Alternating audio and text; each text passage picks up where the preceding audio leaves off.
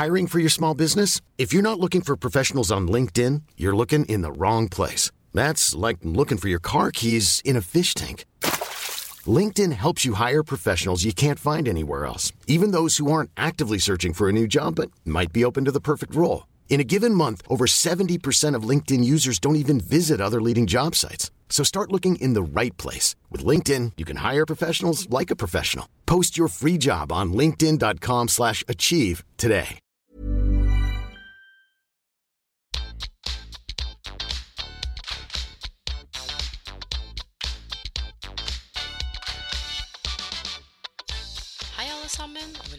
Tilbake til podkasten Karriereveiledning med Elaine. I denne episoden her er jeg så heldig å ha med meg en veldig eminent gjest, nemlig Roger Kjærgaard. Han er førsteamanuensis, og han jobber altså ved Universitetet i Sørøst-Norge, campus Drammen. Roger sine faglige interesser handler om karriereveiledning i et individ- og samfunnsperspektiv, og hvordan samfunnsutvikling, politikkutforming og karriereveiledning kommer til uttrykk i et governmentalt velferdsperspektiv. I tillegg er Roger interessert i samarbeid mellom ulike aktører innenfor karriereveiledning, samt hvordan karriereveiledning utøves i praksis. Og Roger har mange ansvarsområder. Blant annet er han emneansvarlig på master i karriereveiledning, han foreleser på master i karriereveiledning, medlem i forskergruppen i karriereveiledning, USN sin representant i Partnerskap for karriereveiledning og ph.d.-veiledning. Denne episoden her gleder jeg meg virkelig til at dere skal få lov til å ta del i. Roger har vært så veldig snill, vil jeg si, og i en hektisk hverdag sette av tid til å prioritere å svare på veldig kloke og interessante spørsmål som har kommet inn. Vi snakker om antallet arbeidsledige, hvilke utfordringer Norge nå står over, fins det tiltak politikere kan sette inn, er det noe karriereveiledningsfagfeltet kan lære, og mange, mange andre spørsmål som kan være spennende både for de som jobber med fagfeltet, men også for de som ikke kjenner så godt til fagfeltet fra før. Så med det, mine venner, ønsker jeg dere bare rett og slett god lytt, og her er det mye spennende å ta med seg.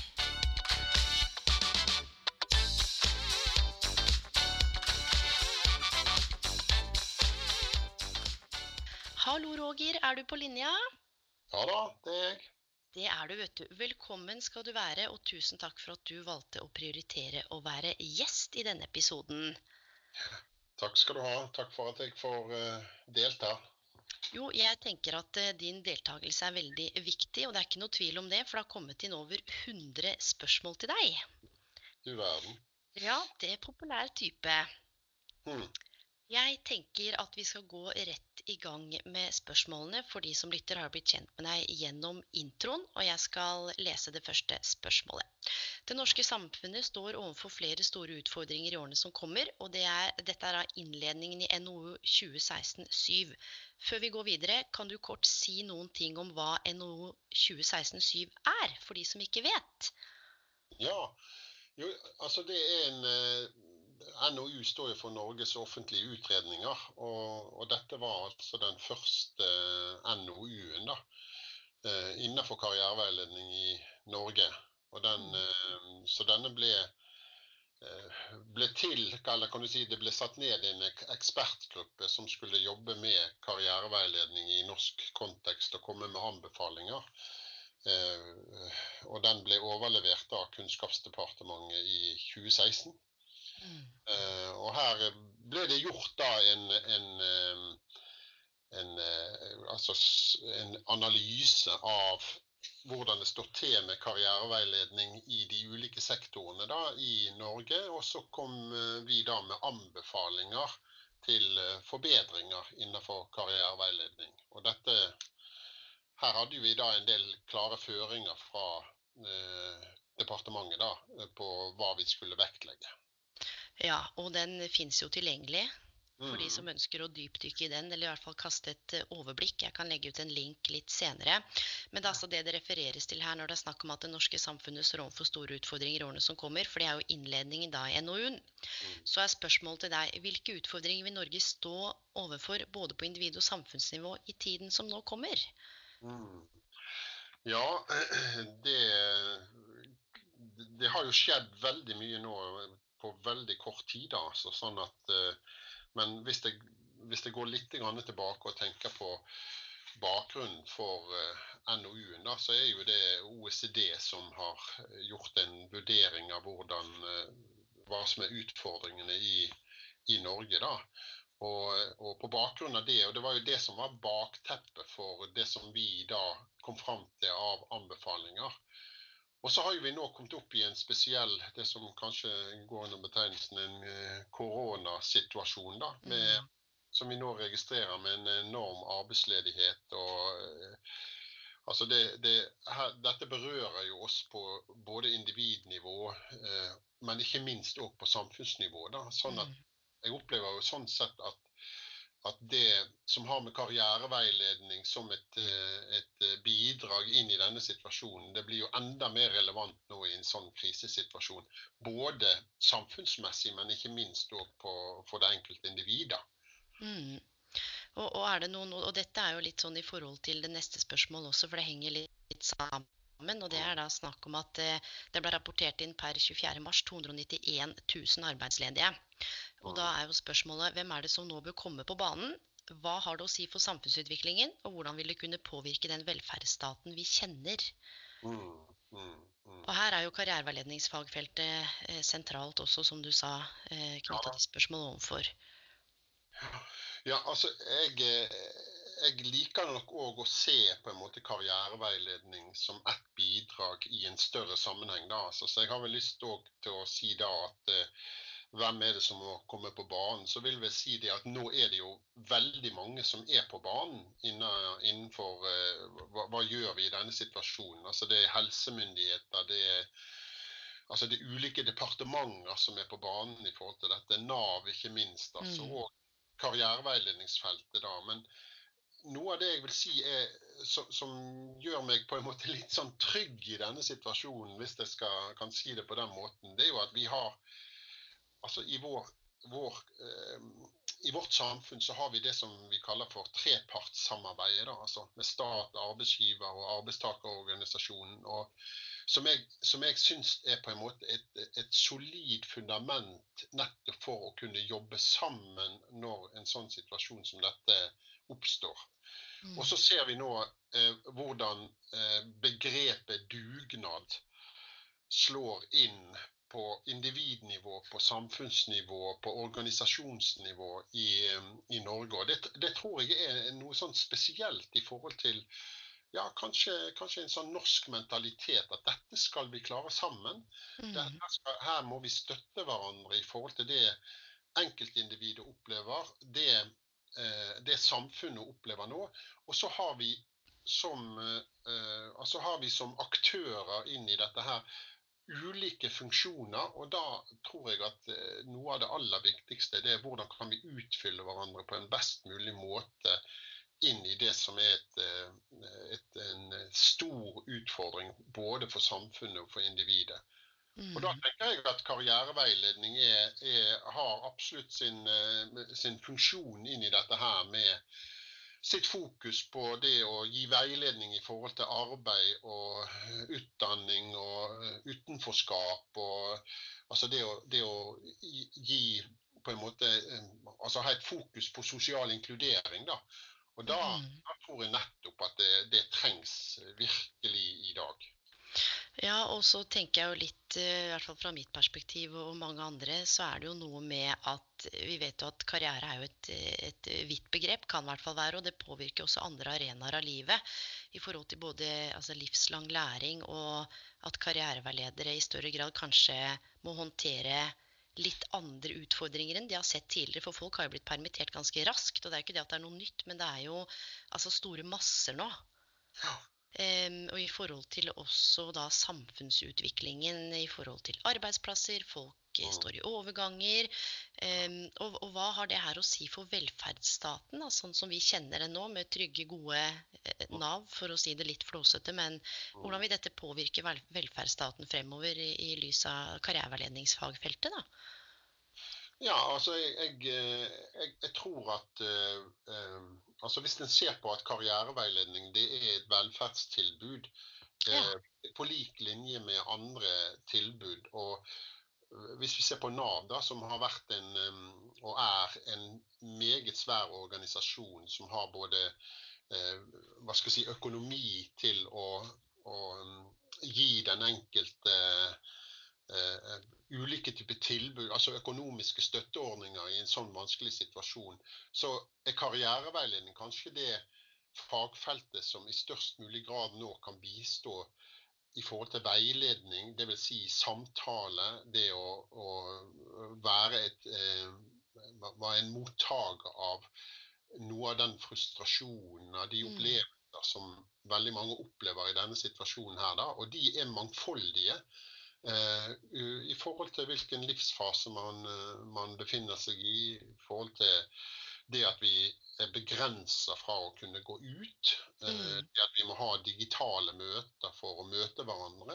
Så jeg tenker at dette, dette utfordrer òg karriereveiledningsfagfeltet, og ikke minst karrieresentrene i forhold til å møte en, en, hva skal jeg si, en individer i en veldig spesiell situasjon som har kommet utrolig raskt på, altså, og som er mm som jeg, jeg, tror her er det en her er det ikke noe sånn quick fix og at vi skal uh, lene oss til noen uh, kjappe løsninger. Men her tror jeg at uh, vi som er opptatt av karriereveiledning, må virkelig bruke våre to ører i mm. første gang i møte med mennesker som opplever dette her veldig tett på kroppen. Ja, og det tenker jeg er jo, er jo et svært viktig bidrag til altså kommende for, for å bygge opp samfunnet igjen og for samfunnsutvikling, og ikke minst også i forhold til eh, velferdsstaten. Men det er også mange karriereveiledere som befinner seg, jeg har fått kontakt med en del, som også kjenner på dette med permittering og nedbemanning. Mm. Så, så det, det, slår jo ut på begge sider av bordet, dette her, altså. Mm. Det gjør det. Så, så det, er, eh, det, er, mange som er berørte. Og i en forlengelse av det så har det jo kommet inn et eh, tredje spørsmål som du får jo vurdere litt eh, hva du vil svare, men finnes det tiltak, altså konkrete tiltak politikere kan sette inn for å sørge for at de som har behov for karriereveiledning i tiden fremover, er garantert å få det, med tanke på hvor mange nå som mest sannsynligvis vil stå uten arbeid? Mm, mm. Ja, det, det, på en måte jeg, jeg, vil vel si det, altså at um, uh, Hva skal jeg si? Uh, hvis jeg trekker det litt sånn uh, i, i, i litt den historiske sammenhengen som karriereveiledning har stått i her i, i, norsk sammenheng, så vil jeg jo si det at karriereveiledning de siste årene, de siste ti årene ikke minst, altså virkelig har kommet på den politiske dagsordenen i Norge. da. Sånn at det jeg, det jeg ser at eh, politikere har, ser at karriereveiledning i stor grad kan være et eh, velferdstilbud for mennesker som f.eks. er i en sånn situasjon nå at de ikke har arbeid, at de permitterer, at det er store omstillingsprosesser, masse usikkerhet. Der tror jeg at karriereveiledning virkelig kan bidra. Og så vil det alltid være sånn at, at i en sånn situasjon som dette her, så vil behovet øke eh, enormt. Og da, da, vil det være trengsel òg på eh, det å få tak i en karriereveileder og få tak i mm. noen å, å, samtale med i en sånn situasjon. Så jeg tenker at det er kanskje en eh, ja, si, det, det, det, Nå er det så mange økonomiske behov ute og går. altså dette, Det å, å gi flere muligheter til å snakke og samtale med karriereveiledere, det er òg et behov så, men jeg vet ikke om det er det rette tidspunktet for å stå på barrikadene for å si at nå må vi ha mer ressurser. Altså, Nei, det, for det er jo det som er interessant. Ikke sant? Eh, for det har jo ikke vært noe på dagsorden i, i, nyhetene, som du sier. Det er jo både helse og helsepersonell og en del andre kritiske samfunnstjenester som har vært mye i front. Mm. Eh, og samtidig så, så, vet vi nok at eh, vi vil kunne se at stadig flere vil ha behov for karriereveiledning uten tvil. Så, for når det er snakk om tiltak, så handler det også i stor grad ofte om, om økonomi. Mm. Penger til å sette inn, og hvor skal man sette inn? Fordi eh, karriereveiledning, det diskuteres jo om det er et ungt fagfelt. Og så har jo du hatt en doktorgradsavhandling eh, hvor du snakker om enda de større historiske linjene ganske langt tilbake i tid.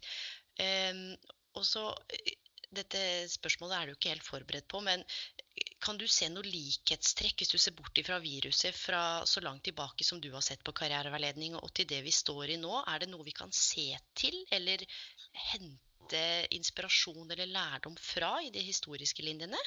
Mm.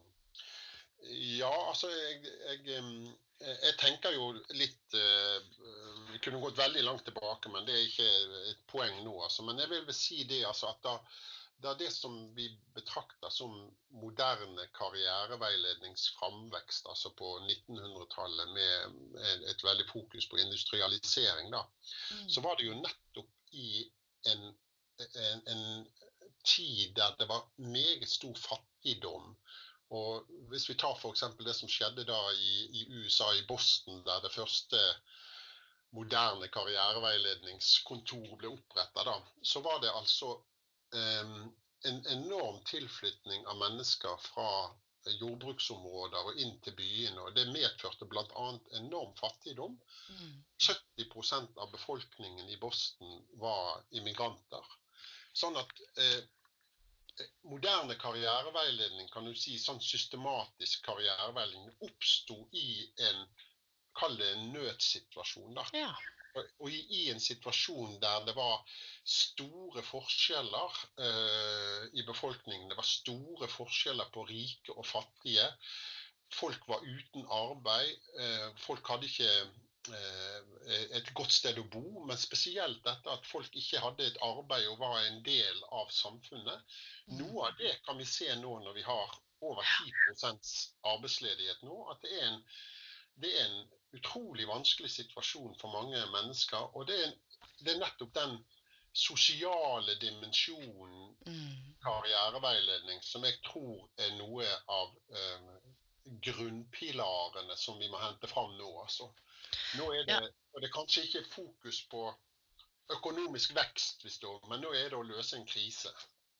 Ja, og det er så interessant, fordi jeg, jeg er i kontakt med, med, veldig mange og stiller ofte spørsmålet hva, hva er karriereveiledning for deg, eller hva tenker du rundt det begrepet? Og for mange så er det synonymt med få hjelp til CV og at du skal hjelpe meg å finne en jobb.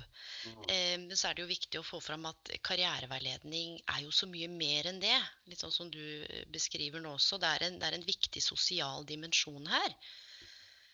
Eh, og dermed så fører jo dette oss videre til det neste spørsmålet, som hva er det karriereveiledningsfagfeltet kan lære av den situasjonen vi nå befinner oss i, og, og hva er det fagfeltet kan ta med seg videre fra denne krisen? Mm, mm. Ja, altså den, den, andre delen av det spørsmålet, altså hva kan fagfeltet ta med seg videre fra denne krisen, det tror jeg vi skal vente litt med å mm. si. For nå, nå, står vi midt oppi en krise. altså. Eh, og, og, en krise for veldig mange mennesker. Og det sies òg at denne krisen er vi, vi er vel i fase to. Og det er først fase tre og fire, iallfall eh, hvis en ser på spredningen av dette her. Og at det vil få enda større konsekvenser for enda flere mennesker. Sånn at jeg tenker at, eh, at det som, som jeg tror er viktig og Det er flere ting uh, som helt sikkert er viktig, men noe av det som umiddelbart jeg tenker på i forhold til dette, som jeg var inne på litt tidligere òg, det er at vi som er opptatt av karriereveiledning, stiller oss til rådighet nettopp for samtale og veiledning overfor mennesker, og gjør oss tilgjengelige for mennesker som virkelig har behov for noen å samtale med og uh, ha en veiledningssamtale med. Og da midt i dette her, så eh, må jeg si at jeg er glad for at vi innenfor karriereveiledning òg har hatt og har et sterkt fokus på digital eh, mm. veiledning. For nå er vi i en situasjon der vi ikke kan få møte hverandre fysisk i noen særlig grad, men at vi er nødt til å møte hverandre, komme nær hverandre digitalt. da. Mm. Da er det én ting jeg, jeg, har tenkt på i forhold til den situasjonen. At, Noe som karriereveiledning har fått kritikk for eh, fra flere hold, det er det at den har blitt veldig sånn individualisert. At det er en Altså at um, det er bare individuelle samtaler. Mm. Og, og, det tror jeg er lett noe som kan skje, eh, skje i dag. Det er det at hvis folk blir sittende alene med den opplevelsen av å miste jobb ikke har penger og alt sånt, så, så kan det bli enda verre for mange. Så jeg tror at noe av det vi kan tilby innenfor karriereveiledning, den digitale, det er å eh, skape veiledningsgrupper. Altså Ja. at mennesker kan komme sammen i grupper i det digitale rom. da, altså. Mm. Jeg har akkurat eh, nå vært sammen med over 20 studenter på, på, eh, i et digitalt rom. Altså. Og det, det gjør noe av at dette opplever vi felles. Dette står vi sammen om. Og at ikke noen blir, sitter med en opplevelse av at dette skal jeg klare sjøl, når jeg overlater meg sjøl. Så her tror jeg at det finnes noen, noen flotte muligheter for å innenfor karriereveiledning òg, altså, til Mm. å ha den fellesskapsopplevelsen midt i dette. Ja, og så tenker jeg jo at eh, terskelen for noen vil jo kanskje også være litt lavere i forhold til å ta kontakt når det er digitalt. Det er ikke alle som er like glad i å møtes fysisk bestandig. Eh, Så kanskje det digitale møtet, i hvert fall for noen, er en, en litt sånn barriere å bryte også, for da senere kunne eventuelt også eh, være med på fysiske møter. For mange av de en del unge jeg har snakket med, bl.a. finner det mest behagelig å Mm. eh, åpne seg eller ha samtaler digitalt før de da tar det skrittet og møter f.eks. veileder fysisk. Mm. Så, så sånn sett, så ved å snu litt på det, så, så går det an å finne noen fine ting i kjølvannet av dette. Det er mange unge som har tatt kontakt med meg og andre, som nå har fått øynene opp for tjenesten også. Mm, mm. Så det kan jo være Det kan jo i hvert fall være noe som er, eh, er litt fint. Og da, i forhold til det neste spørsmålet som henger godt sammen med dette her, vil denne situasjonen vi nå eh, er i, vil den være med på å endre måten vi leverer karriereveiledningstjenester på, og da henholdsvis i framtiden? Mhm. Ja.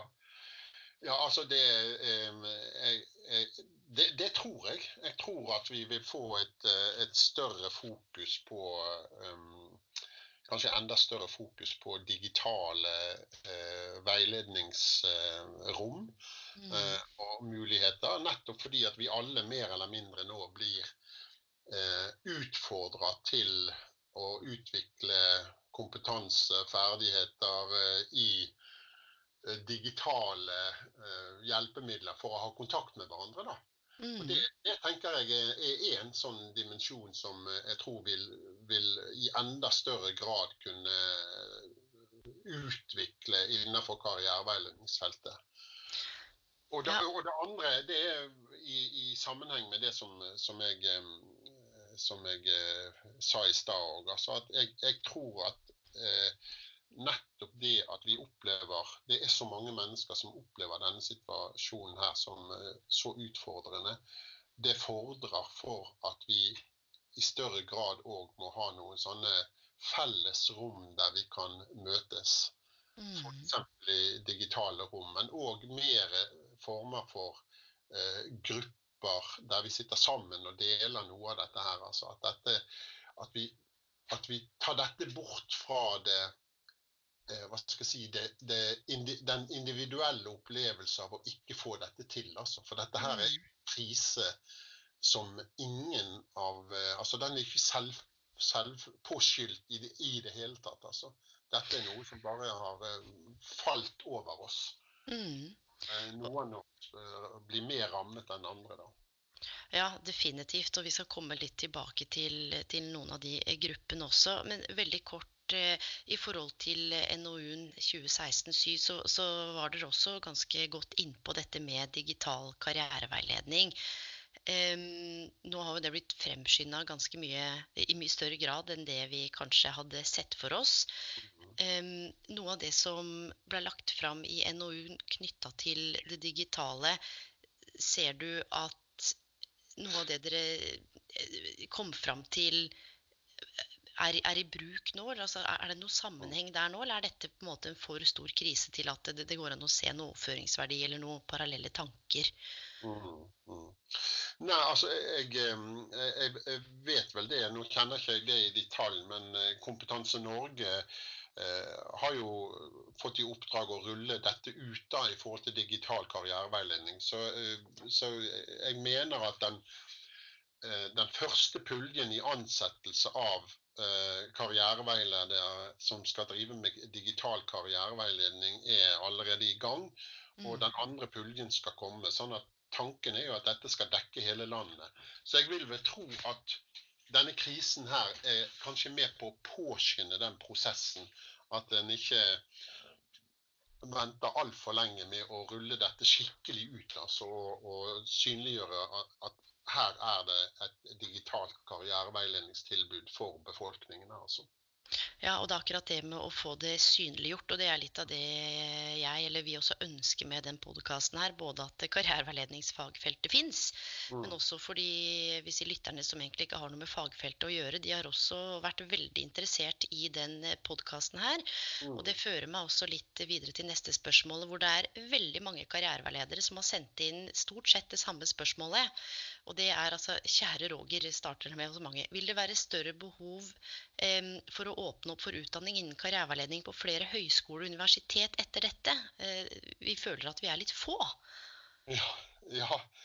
ja det, altså vi, vi, er åpne for det. Altså, og, per i dag så er det vel eh, på, på, altså en karriereveilederutdanning på masternivå er på på Høgskolen i Innlandet og på Universitetet i Sørøst-Norge og flere andre institusjoner. Og på NTNU så har de eh, en master i rådgivningsvitenskap. Mm. og eh, Høgskolen Vestlandet har videreutdanning. og så, så jeg, og andre institusjoner har òg dette her. Så jeg tenker at behovet for flere karriereveiledere er absolutt til stede. Mm. Og, så jeg tenker at de ulike institusjonene her de er absolutt åpne for uh, søkere. Og så er det jo en sånn For at vi skal utvide dette her, så må vi ha søkere. Så vi vil sånn sett bare oppmuntre folk til å søke utdanningene våre. Så, uh, så står vi klar til å ta imot dem. Ja, for i kjølvannet, og dette er jo ikke et spørsmål, men, men det er bare en, en, kommentar. fordi det har også kommet inn veldig mange henvendelser fra folk som lurer på hvor de kan ta utdanningen. For nå de ønsker å hjelpe. Ja. Og det er jo snakk om den eh, dugnadsånden og det å, å vite at man, man, har noe form for kompetanse i bunn. Mange av de jeg har snakket med, har en bachelor mm. eh, i forskjellige fag, men ønsker nå å, å bistå da med veiledning eller eh, karriereveiledning eller rådgivning, som de har skrevet. Så, så jeg syns det var fint å i hvert fall kunne belyse det her, at det er mulighet nå for å, for å kunne eh, ta en utdanning, eller for å kunne gjøre nytte av seg, da. Ja, ja. Mm. Og så er det jo en søknadsfrist nå eh, om ikke så lenge til høyere mm. utdanning. da, så sånn at det, det er bare å gå inn på, på å søke, uh, søke, opp karriereveiledning og se hvor man kan finne utdanning innenfor det. og Se hva som passer inn. Mm. Mm. Og så er det jo veldig mange karriereveiledere som har skrevet inn til deg konkret òg, og ber om hvilke karriereveiledningsteorier og eller litteratur kan vi, som, kan vi som er karriereveiledere som jobber med fagfeltet, hva kan vi se til nå for å utvikle egen praksis med tanke på utforutsigbarheten som de fleste kjenner på? Mm, mm, mm. Altså, Det jeg tenker umiddelbart på da, det er jo eh, altså Crumbolts eh, er jo en som mange refererer til når en snakker om f.eks. planlagt usikkerhet. da.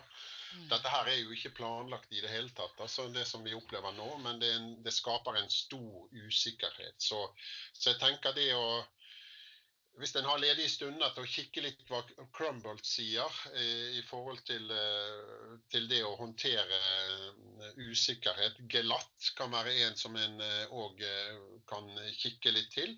Og så tenker jeg litt større teorier, da, altså som, som kanskje kan, um, kan gi oss eh, et, et, rammeverk for hvordan en kan tenke om karriereveiledning. Det er det innenfor systemteori som har med seg veldig mange Altså en, en prøver å samle alle faktorer som kan ha betydning for eh, arbeid og utdanning, og ikke minst kaosteori, som òg mm.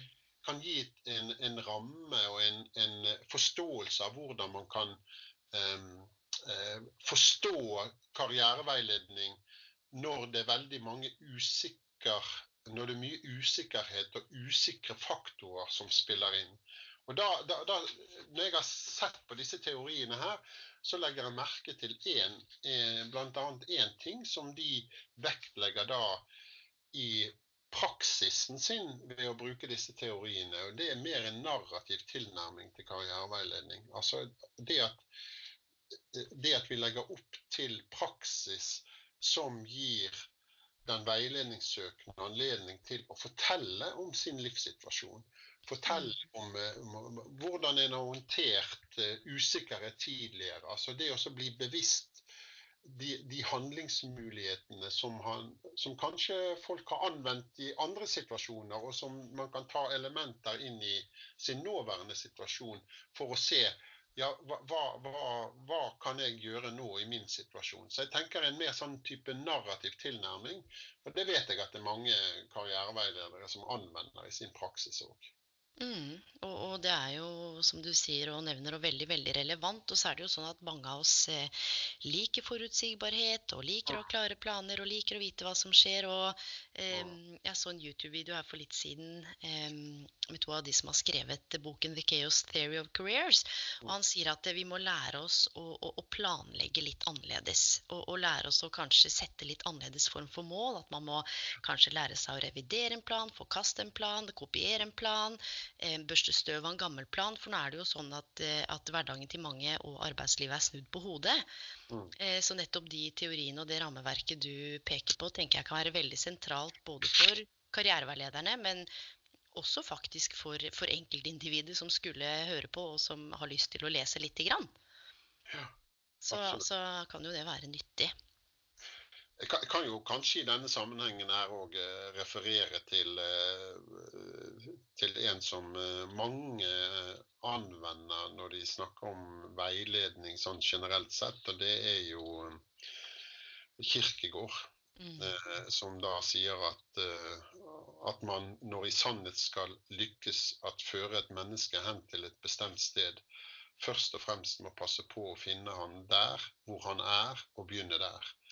Og jeg tenker Når mange er i en sånn uoversiktlig krise og situasjon som det er, så tenker jeg at det er så viktig å lytte seg inn til hvor den enkelte befinner seg, før jeg kommer med veldig mange løsningsforslag. Og det er ikke sikkert jeg kommer med løsningsforslag heller, men, men eh, jeg tror nettopp det å lytte seg inn til hvor den enkelte kjenner uh, utfordringene sterkest. For det kan være, det kan være veldig individuelt i den tiden vi opplever nå. Ja, og det er jo en fin overgang til det neste spørsmålet, nettopp fordi dette kan jo oppleves ulikt. Og det ene spørsmålet som har kommet inn, handler om fra et karriereveiledningsperspektiv, hvilke tanker gjør du deg om at denne krisen kan påvirke de som allerede opplever utenforskap og anses som, og her står det i hermetegn, de svake i samfunnet? Um, ja um, mm. Jeg må bare tenke meg litt om, altså. For jeg, mm. Mm. Altså, jeg, jeg, jeg, var jo inne på dette litt tidligere òg. Altså sånn uh, uh, Hva skal jeg si At jeg gikk tilbake til uh, Frank Parson på 1900-tallet. Og jeg har vel Jeg har vel lyst til å trekke fram igjen nettopp hans inspirasjon til meg, da. Mm. Som, som er kanskje betraktet som en av gründerne i moderne karriereveiledning. Altså. Og, og, han var jo nettopp inspirert av de som sto utafor og det å hjelpe de som står utafor arbeidslivet. altså De som var fattige, de som sto i utenforskap. Mm. Jeg tenker at um, Jeg tror at uh, det er i alle fall, Jeg har ikke lyst til å komme med noen sånne moralske pekefingre, eller noe sånt, men jeg tenker at det er, en, det, er, det er, et enormt behov i forhold til de som står utafor, og som nå kommer utafor arbeidslivet. Kommer, altså står på utsiden av det som for mange oppleves som å være en del av et samfunn. Og jeg tenker at eh, Skal vi nå prioritere hva vi setter inn vårt fokus og vår energi på, så er det nettopp på, i forhold til de mennesker som opplever å stå utafor og miste jobben sin, må inn i en omstillingsprosess. Kanskje de, mm. når de skal tilbake på arbeidsmarkedet, så fins ikke jobben lenger. Altså det, det, jeg tror det er mange sånne utfordringer nå for, for mange mennesker for, ja, som kanskje må nå bli tvunget til en form for omskolering. da kanskje de må inn i et type arbeid som, eh, som de ikke kjenner at de har kompetanse til, eller som, eh, som de ja, kjenner masse usikkerhet i forhold til. da. Så jeg tenker mm. at her, her er noe av det som jeg tror vi, vi, som er opptatt av karriereveiledning, bør ha et sterkt fokus på å hjelpe mennesker i. altså. Ja, og det, det, henger jo litt sammen med det neste spørsmålet også, som handler om Har du noen tanker om denne krisen, altså den tematikken med denne krisen er at den berører det som omhandler sosial rettferdighet. Altså både her hjemme og i Norge altså, og ellers i verden. Um, og så tenker jeg Før du svarer, kan du si noen ting om, om hva sosial rettferdighet er? Altså For de som lytter, som kanskje ikke er så kjent med den mm. terminologien? Eh, altså, det er jo på en måte en, en, et, en sterk fokusering innenfor karriereveiledning som har vært i noen år nå. Eh, og som har blitt eh, enda tydeligere hva skal jeg si, som en Vi kan kalle det en, en form for motdiskurs til en ensidig fokusering på økonomisk vekst, mm. på individets autonomi, altså det individuelle ansvar, på markedstenkning, på, at, på konkurranse, eh, på at vi skal eh, eh, være i en global konkurranse. Altså en veldig sånn politisk, økonomisk argumentasjon for hvorfor karriereveiledning er, er viktig. Den, den, finner vi, vi i, på mange områder, og ikke minst innenfor OECD og EU, som, selv om de òg har med seg den sosiale dimensjonen. Og innenfor, innenfor karriereveiledningsfeltet, eh, både innenfor forskning og i praksis, så har det blitt et, et, et større fokus på at karriereveiledning òg har en, en, sterk sosial dimensjon.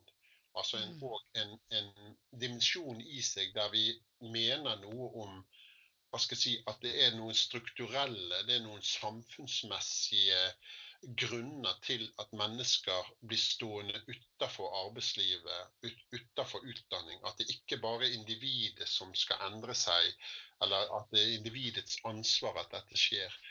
Det vil si det altså at det er en, en hva skal jeg si, en, en, eh, en, sterkere bevisstgjøring innenfor karriereveiledningsfeltet nå til å ha fokus på den, den, sammenhengen det er mellom samfunnsmessig utvikling og eh, individets muligheter til å ta del i eh, arbeid og utdanning.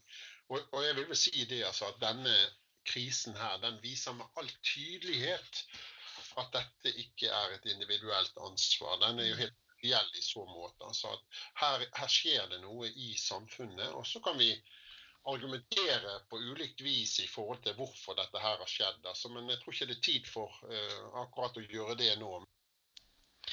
Nei, og det henger jo litt sammen med det neste spørsmålet også, i og med at eh, som du nevnte, sosial rettferdighet står jo sterkere nå innenfor karriereveiledningsfagfeltet enn det det har gjort tidligere.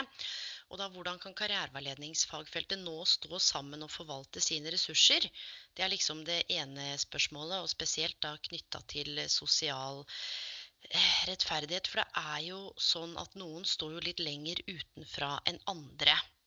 Og det er jo ikke alle som er verken oppe og går digitalt, eller det kan være i forhold til språk, eller det kan være ungdom som har det tøft. Det er mange ulike grupper her. Er det noe konkret, og dette spørsmålet jeg visste du ikke skulle komme, men jeg, jeg spør, jeg. Er det noe konkret du tenker karrierefagfeltet karriereveiledningsfagfeltet kan, kan, gjøre sammen, eller sette, ekstra, sette ekstra fokus på sammen nå? I forhold til de ressursene som fagfeltet har?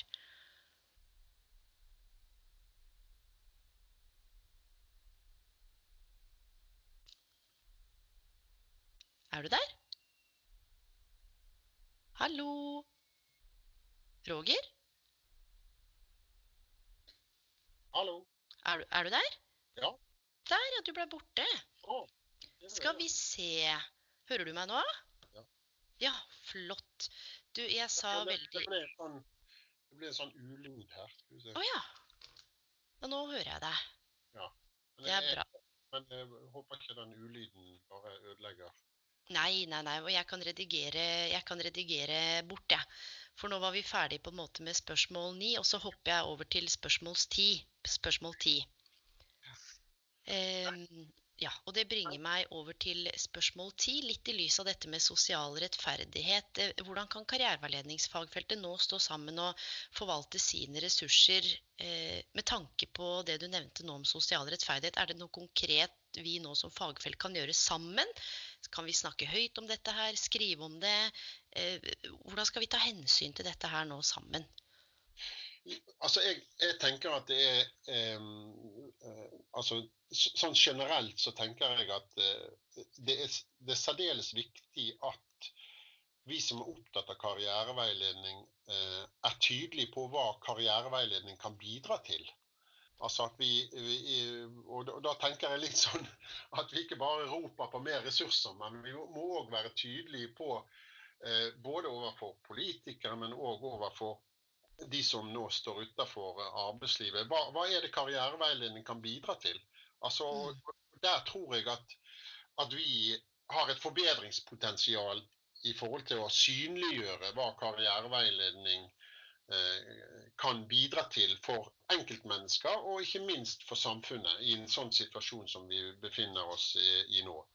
Og, mm. og så syns jeg òg at vi vi, vi, er på god vei i forhold til det. Altså at vi har både eh, politiske miljøer, eh, arbeidsorganisasjoner, fagmiljøer. At vi har en holdning at vi ikke Altså at vi skal jobbe sammen i forhold til å, å, utvikle dette fagfeltet. Og Så har vi ulike ståsteder i forhold til det, men jeg tror nettopp at få fram noe av den holdningen at vi utfyller hverandre. At vi er, ulike aktører som kan utfylle hverandre for å bidra til at befolkningen kan få del i eh, karriereveiledning som kan bistå de i en situasjon der de f.eks. står utenfor arbeidslivet eller eh, står i en omstillingsprosess. Opplever, mm. opplever utfordringer som har med hvordan de skal håndtere den situasjonen de har kommet i nå. Ja, for, for, det tror jeg det er veldig mange som lurer på, som kanskje så vidt har hørt om fagfeltet. Men det, det er nettopp det hva kan en karriereveileder altså på individnivå gjøre, altså på individnivå gjøre for meg? Og hva er det, hva det egentlig karriereveiledningsfagfeltet kan, kan, bidra med? Og jeg tror det er mye mer enn det mange tenker at det er. da som ikke mm. kjenner til fagfeltet. og Det er litt derfor jeg ville gjøre den podkasten her også. Det var stor interesse rundt den. Også et håp om å, å få opp og frem karriereveiledningsfagfeltet med deg som eh, ekspert her i andre enden, med, med veldig kloke og, og, reflekterte tanker. Nettopp for at eh, flere også kanskje kan benytte seg av den muligheten og tørre å ta det skrittet. Og ta kontakt, da. For det fins jo fylkesvise karrieresentre som tilbyr gratis karriereveiledning. Ja. Og dette her til de som er over 19, og dette sier jeg gang på gang i alle e-poster, alle jeg snakker med, at det er, det er mulig å benytte seg av det. Og alle de, de fleste er i hvert fall oppe og går digitalt også nå. Mm, mm. Så, og så Det andre spørsmålet her, du var vel inne på det. Altså, bør det settes av mer penger til fagfeltet akkurat nå? Det er vel kanskje ikke så lett å svare på? Nei, altså jeg, jeg vil vel si det at det, det vi registrerer nå, det er jo eh, at det er utrolig mange som er i vanskelige økonomiske situasjoner. Ikke minst eh, bedrifter og folk som mister eh, hva skal jeg si, inntektene sine. Eh, og som står mye mer på bar bakke enn kan du si, det, det, det offentlige karriereveiledningstilbudet som er. Men det er jo klart, alt koster penger. Hvis en skal utvide det, så vet politikere veldig godt det at det koster penger. Altså. Så, så, jeg tenker at dette må dette må jo f.eks. være opp, og, tenker jeg opp til de, hvis en tenker de fylkeskommunale eh, karrieresentrene, da, altså at, eh, og som nå får større ansvar for eh, driften av dette. Mm. De vil håndtere det. Og det samme med, med Nav og andre institusjoner som bedriver karriereveiledning. Så tenker jeg at de, de er klar over dette nå. altså at her er det her er det òg behov, men jeg, sånn som jeg tenker om det nå, altså, så er det noen meget akutte behov ja. eh, ellers i samfunnet. Mm, mm. Og videre da til Nå er det to spørsmål igjen, og det ene er mer på individnivå. Eh, Og så er det jo mange befinner seg nå i overganger som følge av nedbemanning og permittering. Kan du dele noen refleksjoner om hvordan det er mulig å håndtere dette best mulig primært på individnivå? Mm. Ja, jeg, jeg, jeg, tror jeg har bare lyst til å si først da, altså at det, det, kan, det, kan, være at en god del mennesker opplever at eh, begrepet karriere og karriereveiledning er mer til hinder enn til hjelp i forhold til å eh, be om samtale. da. Fordi at en har kanskje en, en forståelse av karriere som å klatre eller mm. spisse albuer. Men, men eh, vi prøver så godt vi kan på å innholdsfylle begrepet karriere med eh, et nytt innhold som gjør at eh, mange sier altså at alle har vi en karriere. Eh, og, og, den er ulikt for ulike mennesker. Og i løpet av livet så vil vi møte ulike situasjoner eh, i vår karriere, om vi kan si det sånn. Mm. Der, der, det vil være godt å ha noen å samtale med og ha eh, en, f.eks. en veiledningssamtale med. Da. Så jeg har bare lyst til å si det først. da, så sånn at det, det, å, det å ta kontakt med et karrieresenter Eh, det betyr ikke at man er i gang med å klatre eller man har motivasjon til å klatre, men det er på en måte hva gjør jeg i min situasjon nå? Om du står utenfor arbeidet eller utenfor utdanning eller i en omstillingsprosess. Så jeg vil vel si det at eh, kanskje noe av det viktigste på individnivå, det er eh, søk hjelp, da. Men ikke, mm. Ikke, nødvendigvis bare hos profesjonelle. Altså, jeg var inne på det litt tidligere òg. Altså, altså det, det, det, er nok kanskje i f.eks. i flere bedrifter nå flere som opplever å bli permittert. Altså. Så jeg vil vel si det. Snakk sammen. Altså uh, ha, ha, noen Om vi ikke fysisk kan møte hverandre, men snakk sammen med andre mennesker. Stå ikke alene for lenge med den opplevelsen av å ikke oppleve eller å oppleve at nå kommer du på utsiden av både arbeidslivet og samfunnet for øvrig. Mm. Eh, og da, da, tenker jeg, som jeg sa tidligere òg, altså det å opprette da, når vi ikke får lov å møte hverandre fysisk, opprette digitale grupper. Del situasjonen med hverandre. altså Få, få tips og ideer.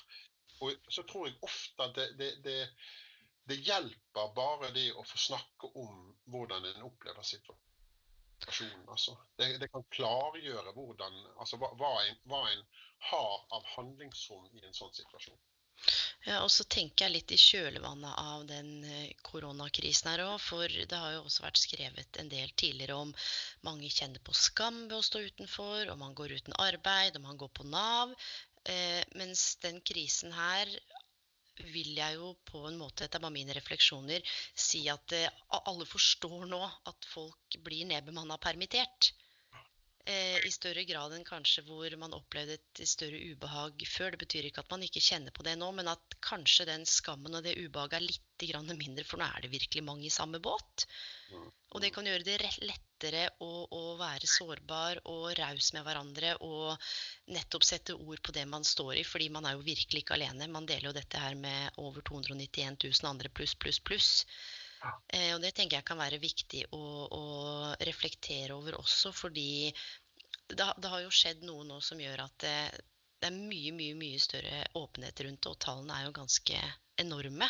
Um, så, så, det å huske å ta vare på hverandre, og, og, det også kan jo være med på å bidra innad i kollegialer eller studenter eller vennegjenger, også mm. er med å bidra til eh, balansen knytta til sosial rettferdighet til en viss grad. da. Mm. At man kan få med seg kanskje noen av de som eh, man ikke har fått med seg tidligere, for f.eks. Ja, ja, ja jeg, jeg, jeg, tenker det altså at uh, her, her, er det, uh, det, det er en det er både en unik mulighet, mm. og samtidig så kan det være en utfordring for noe. Men det er jo nettopp dette her å, å, bruke nettverket som man har, da, altså, eller venner eller kolleger eller uh, andre. altså Nettopp til å, å, få Til å prate sammen. Jeg tror det er, det er, det er sånn det gir god helse mm. å samtale med andre som kanskje opplever noen, eh, noenlunde det samme. Og så kan det noen ganger være det å oppsøke og Det er jo der karrieresentrene og karriereveiledere står til rådighet for. Altså det å samtale med noen som kanskje har jobba med dette her eh, over lengre tid, sånn profesjonelt. da. Og, og, og her er, kan karriereveiledere bidra. Mm. Og dette her bringer oss til det aller siste litt store spørsmålet. Og det lyder som følger. OECD og EU har stor innflytelse på nasjonal utforming av utdannings-, arbeidsmarkeds- og veiledningspolitikk. Hvilke tanker gjør du deg om diskursen som vil oppstå i kjølvannet av krisen vi nå befinner oss i? Mm, mm. Ja, altså Da har jeg lyst til å si at uh, kanskje begynne med å si altså, at hadde det ikke vært for OECD og EU, så tror jeg aldri at karriereveiledning som uh, fagfelt uh, til de grader hadde vært på den politiske dagsorden og hatt den bevissthet i befolkningen som som det har nå.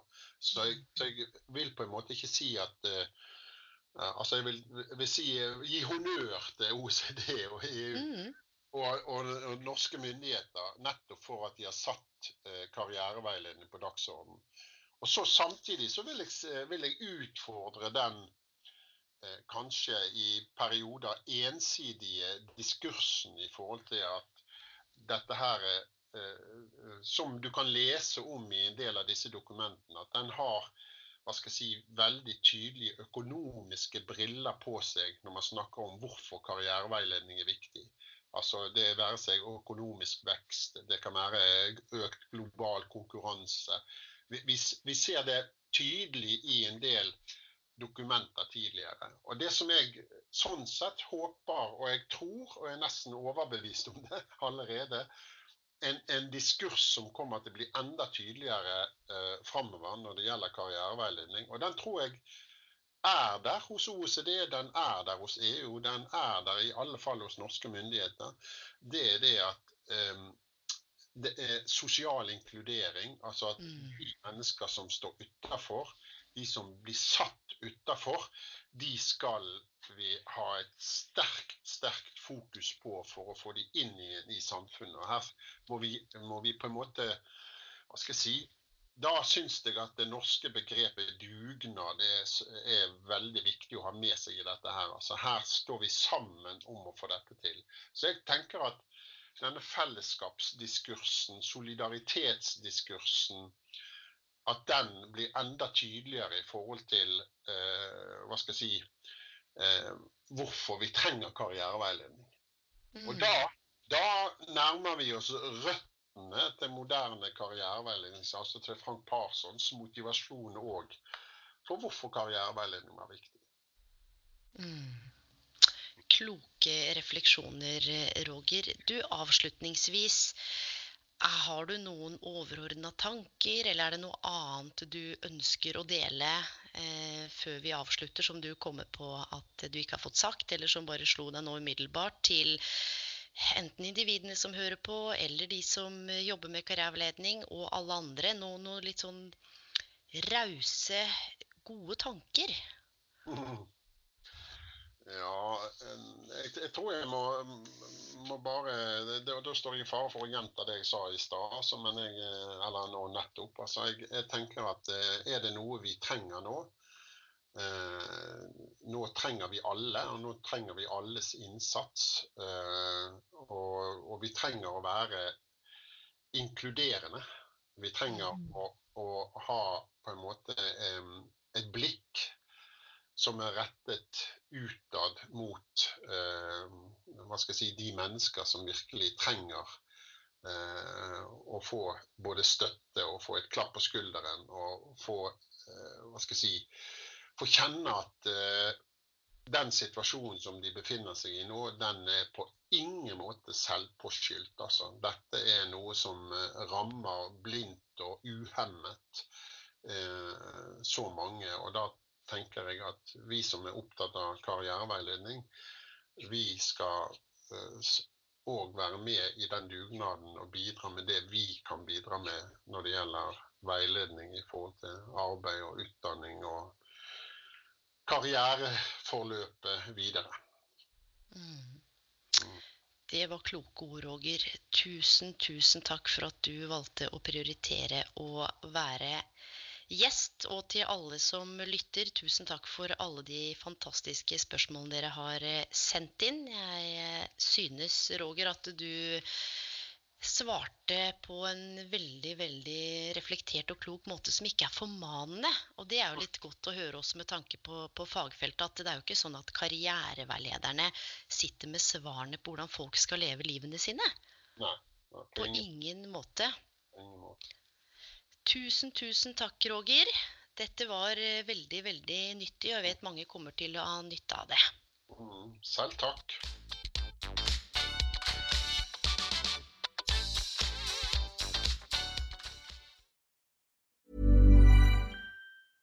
Even when we're on a budget, we still deserve nice things.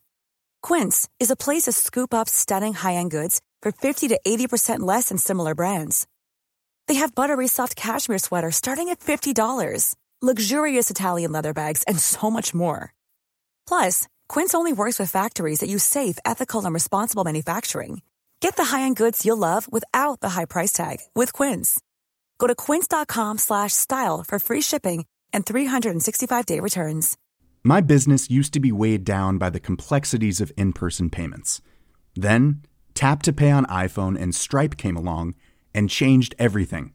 With Tap to Pay on iPhone and Stripe, I streamlined my payment process effortlessly. Now I can accept in person, contactless payments right from my iPhone.